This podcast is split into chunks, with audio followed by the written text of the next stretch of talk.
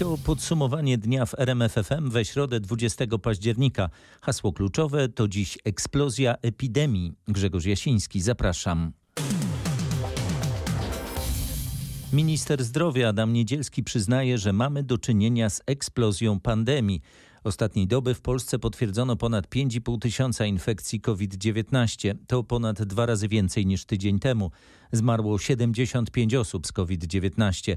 Konferencji ministra zdrowia wysłuchał nasz reporter Michał Dobrołowicz. Jak rząd zamierza zareagować na tak gwałtowny wzrost liczby zakażeń? Ministerstwo cały czas nie planuje nowych obostrzeń, za to jeszcze dokładniej sprawdzane oraz karane ma być nieprzestrzeganie tych obowiązujących, na przykład noszenie maseczek w komunikacji miejskiej. Patrole sanepidu i policji będą pracować w województwach lubelskim i podlaskim, bo tam, jak zaznacza Adam Niedzielski, tempo pandemii zdecydowanie wyprzedza prognozy. To, co się zadziało w ciągu ostatnich dwa dni, to jest zdecydowane odejście od tego stabilnego wzrostu na rzecz no już przyspieszenia o charakterze wykładniczym. Dlatego, e, szanowni państwo, sytuacja staje się rzeczywiście bardzo poważna. Także dlatego coraz bliżej jest decyzja o tym, by prawo do trzeciej dawki szczepionki uzyskali wszyscy, którzy skończyli 18 lat. Sytuacja jest coraz bardziej niepokojąca, przyznaje główny inspektor sanitarny. I na razie w najbliższym czasie nie są przewidywane wdrażanie jakichś e, radykalnych czy też jakichś zmian w zakresie obostrzeń, e, co nie zmienia faktu, że jeśli przypadkiem dojdzie do nieprzewidywalnego, groźnego rozwoju epidemii, taka sytuacja może nie ulec zmianie. Mówi RMFFM Krzysztof Saczka. 1 listopada cmentarze mają być otwarte. Ponad jedną trzecią dobowych zakażeń generują dwa województwa podlaskie i lubelskie.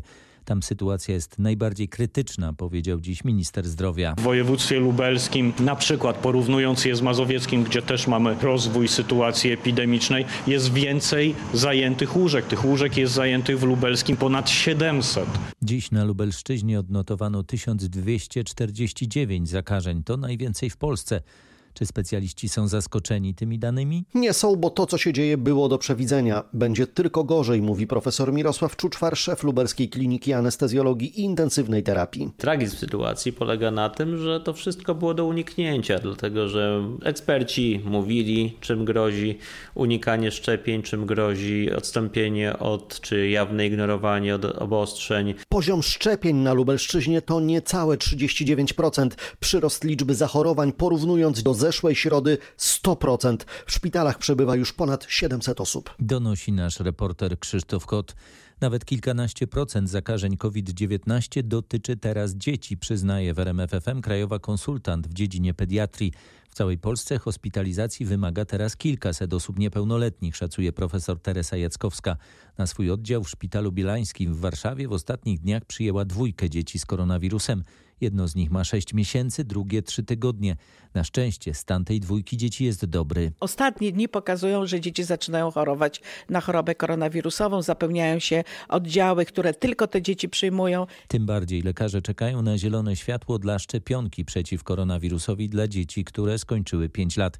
Szansa na to jest w najbliższych tygodniach. Decyzję w tej sprawie musi wydać Europejska Agencja Leków.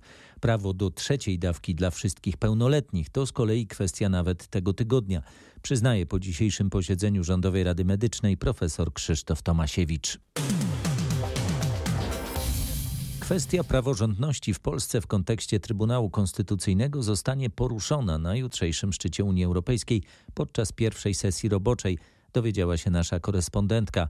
Szef Rady Europejskiej Charles Michel wysłał do przywódców Unii Europejskiej list w tej sprawie. Polska w kontekście wyroku Trybunału Konstytucyjnego będzie tematem na szczycie, ale nie jako formalny punkt agendy. Wtedy sprawa musiałaby znaleźć odbicie we wnioskach końcowych ze szczytu, wyjaśnił mi unijny dyplomata.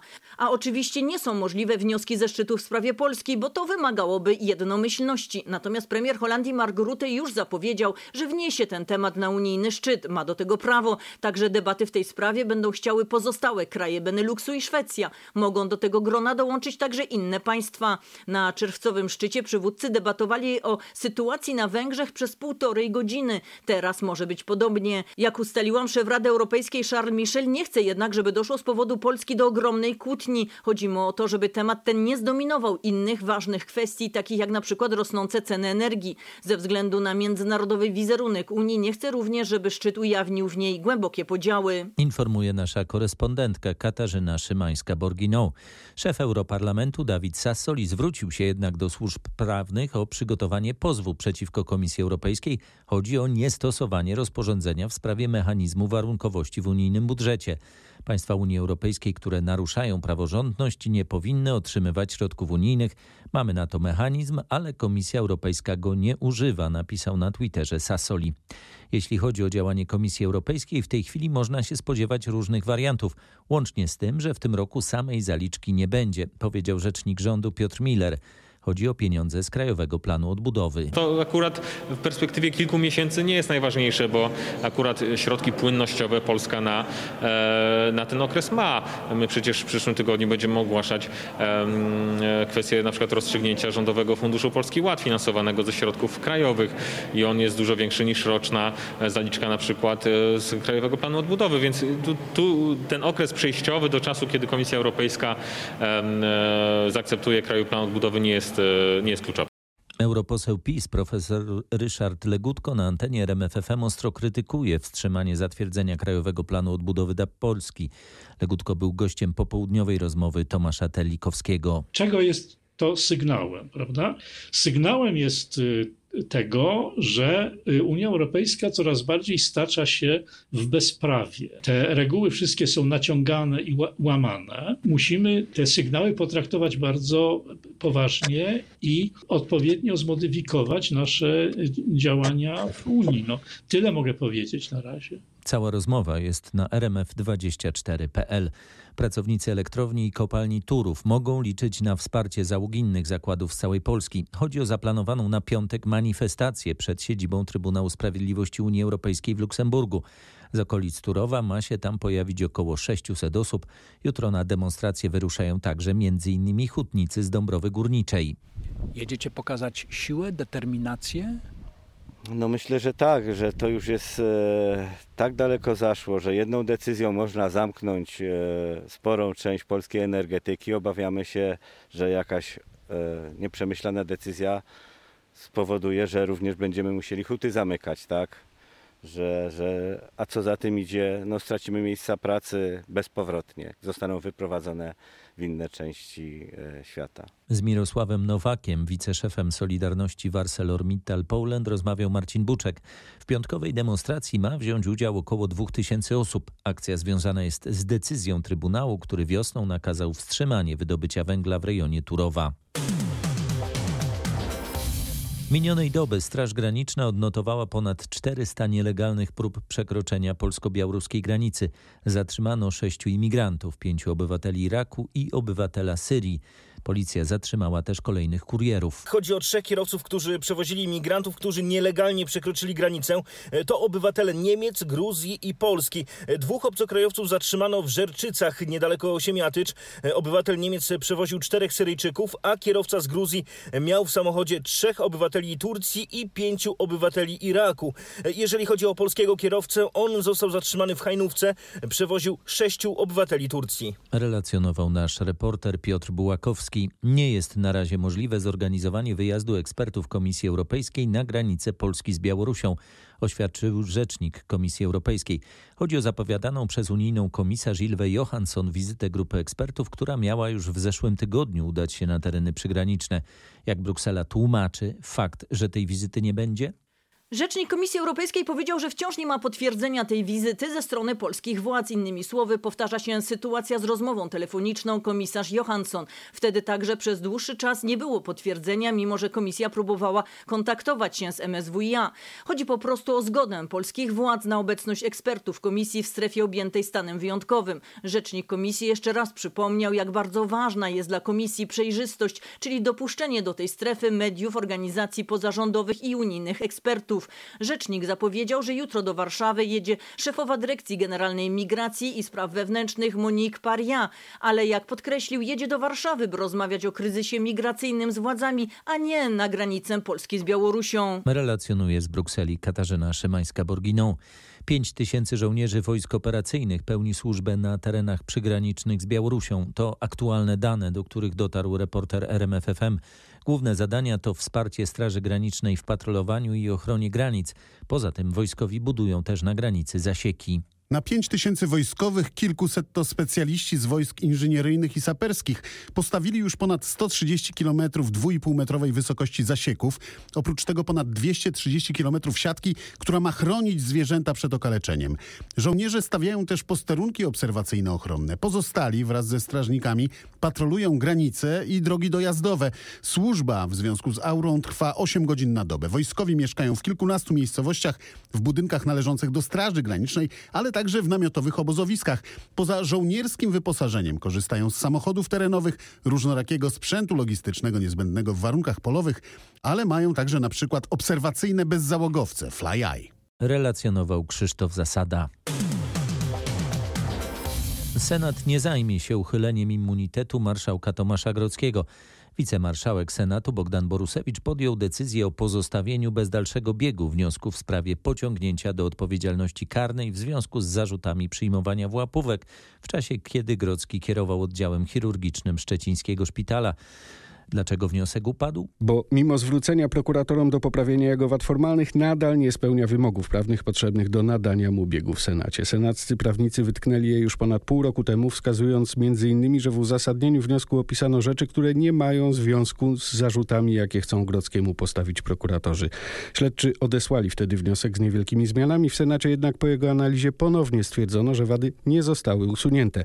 Prowadzący sprawę wicemarszałek Borusewicz miał do wyboru albo poddać procedurę procedurze wniosek według prawników niepoprawny, albo pozostawić go bez dalszego biegu i wywołać tym polityczną burzę. Po prawie pół roku rozważań wybrał to drugie. Trzeciego wyjścia nie było. Wniosek o uchylenie immunitetu można odesłać do poprawki tylko raz, a nie usunięcie wad kończy całą sprawę. Jeśli prokuratorzy nadal chcą oskarżać Grodzkiego, muszą sporządzić nowy wniosek. Podsumowuje Tomasz Skory.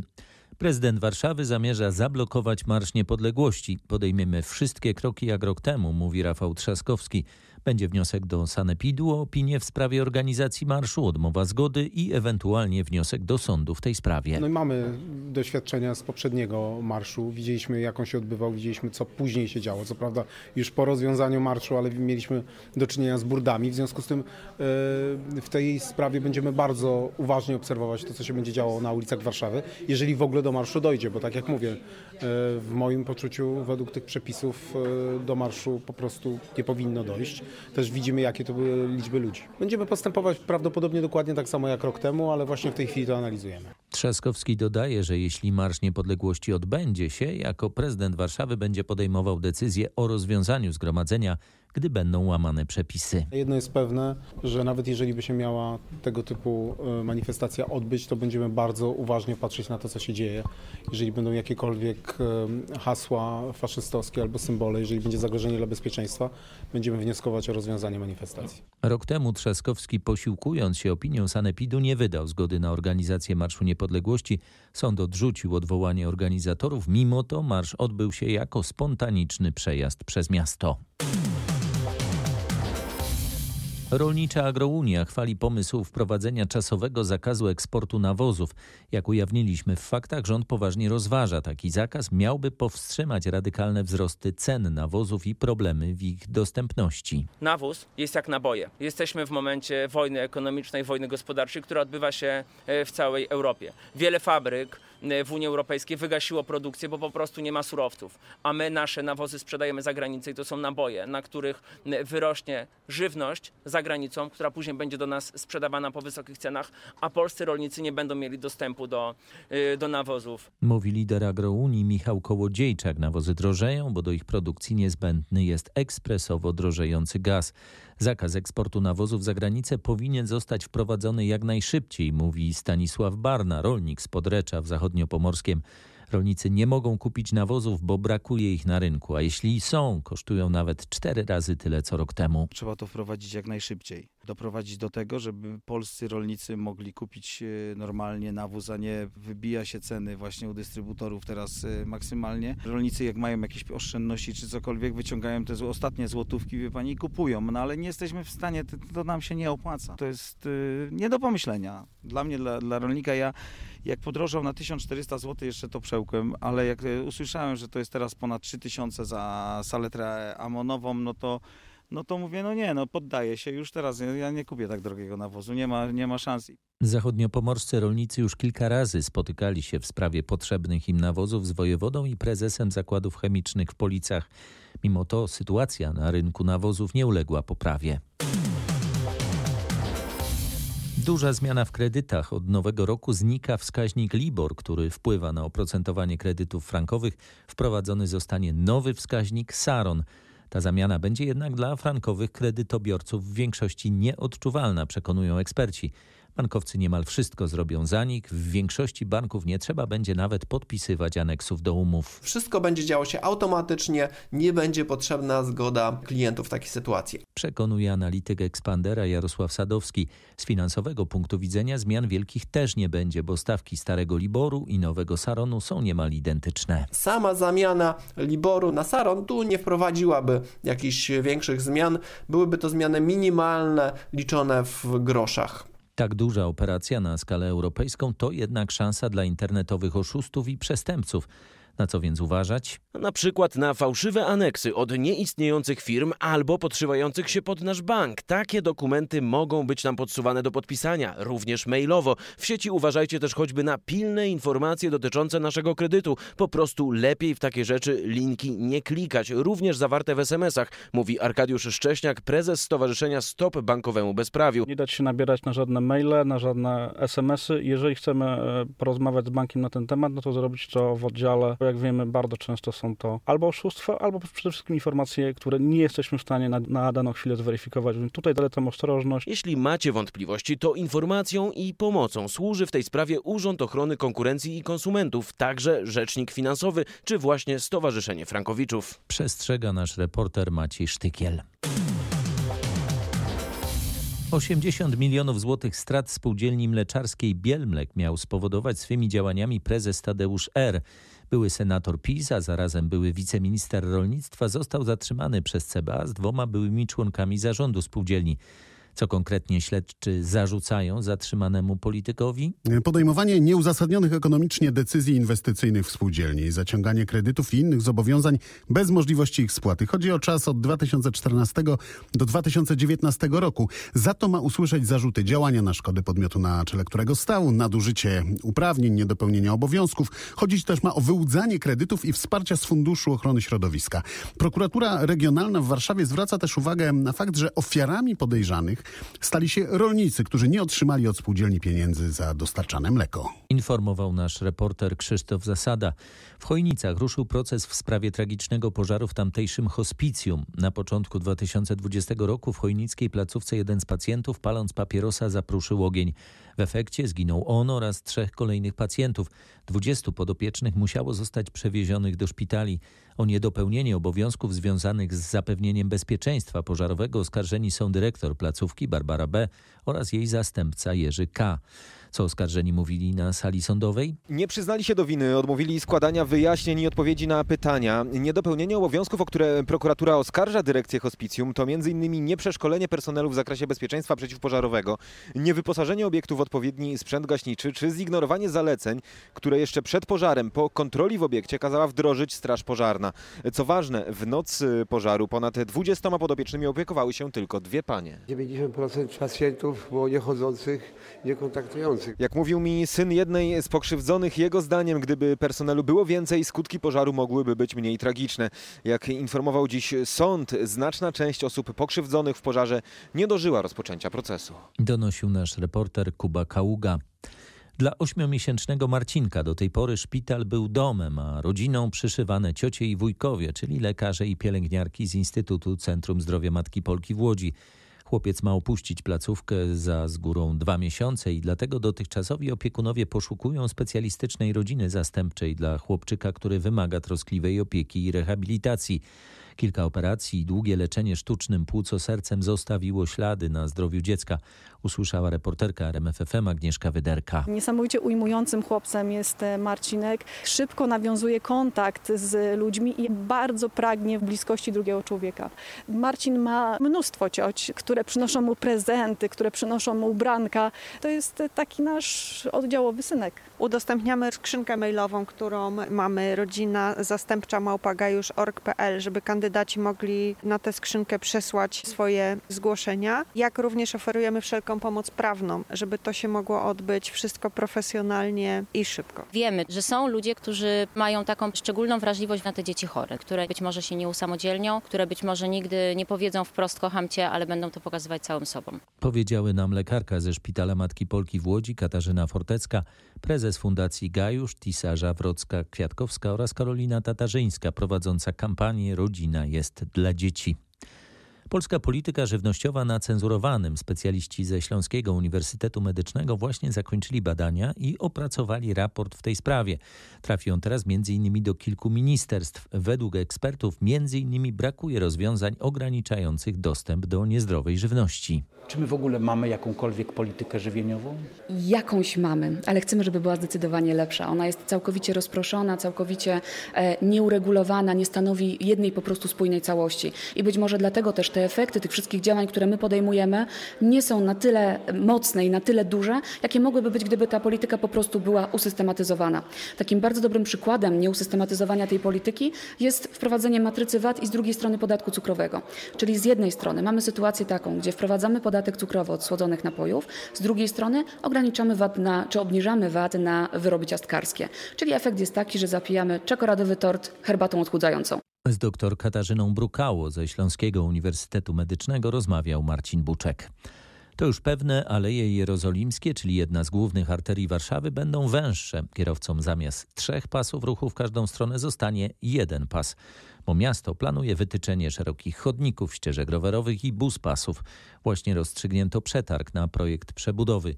Nie zabieramy ulicy kierowcom, tylko oddajemy wszystkim mieszkańcom, przekonuje prezydent stolicy Rafał Trzaskowski. Nigdzie w żadnym nowoczesnym mieście no, nie ma y, szybkich arterii przez same centrum miasta, a jeżeli są, tak jak w Moskwie, to one są całkowicie zakorkowane. Nam chodzi o to, żeby y, z miasta w sposób optymalny mogli korzystać warszawiacy. I piesi, i ludzie używający komunikacji miejskiej, a w Warszawie jest to ponad 50%. I również, y, i również ci, którzy posługują się samochodami indywidualnymi. Do przebudowy Alei Jerozolimskich dojdzie najwcześniej za pięć lat.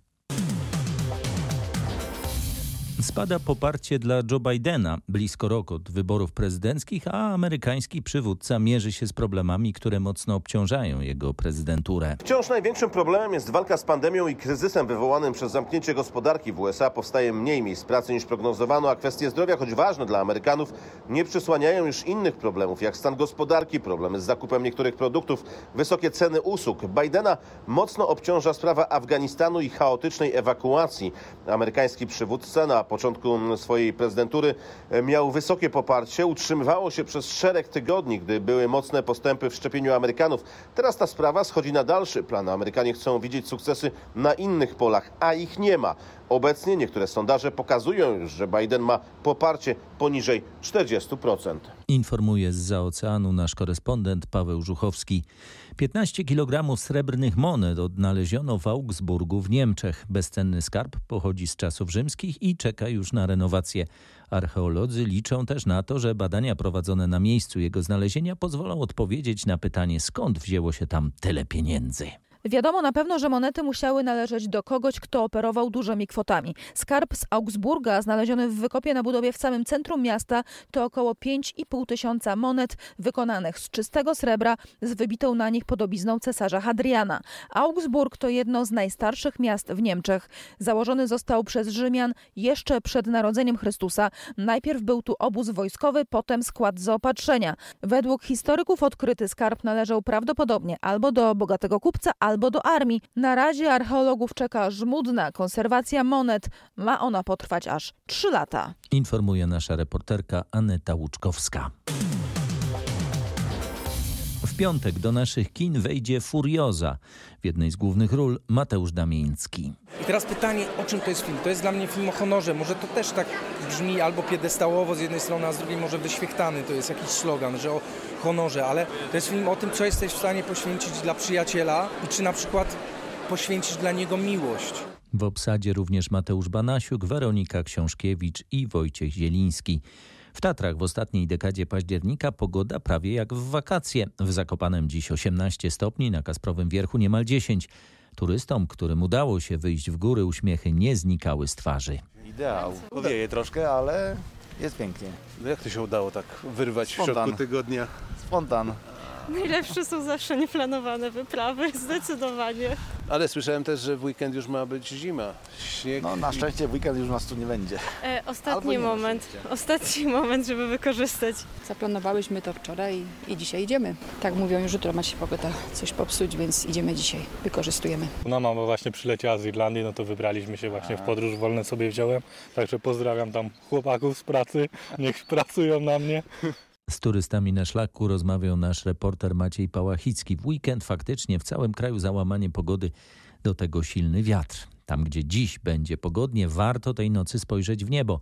To będzie noc spadających meteorów, tym razem Orionidów. Najlepiej obserwować Orionidy w drugiej części nocy. Tutaj szacuje się, że średnia liczba zjawisk wynosi około 30, więc jest to trzykrotnie mniej niż Perseidy, ale Orionidy są chyba nawet bardziej spektakularne niż Perseidy, są jaśniejsze, mają te dłuższe troszeczkę ślady. Życzę wszystkim pogodnej nocy. Zachęcał do oglądania astronom dr Leszek Błaszkiewicz z Uniwersytetu Warmińsko-Mazurskiego w Olsztynie. Tyle na dziś. Kolejne podsumowanie dnia w RMFFM już jutro wieczorem. Grzegorz Jasiński, dziękuję. Dobrej nocy.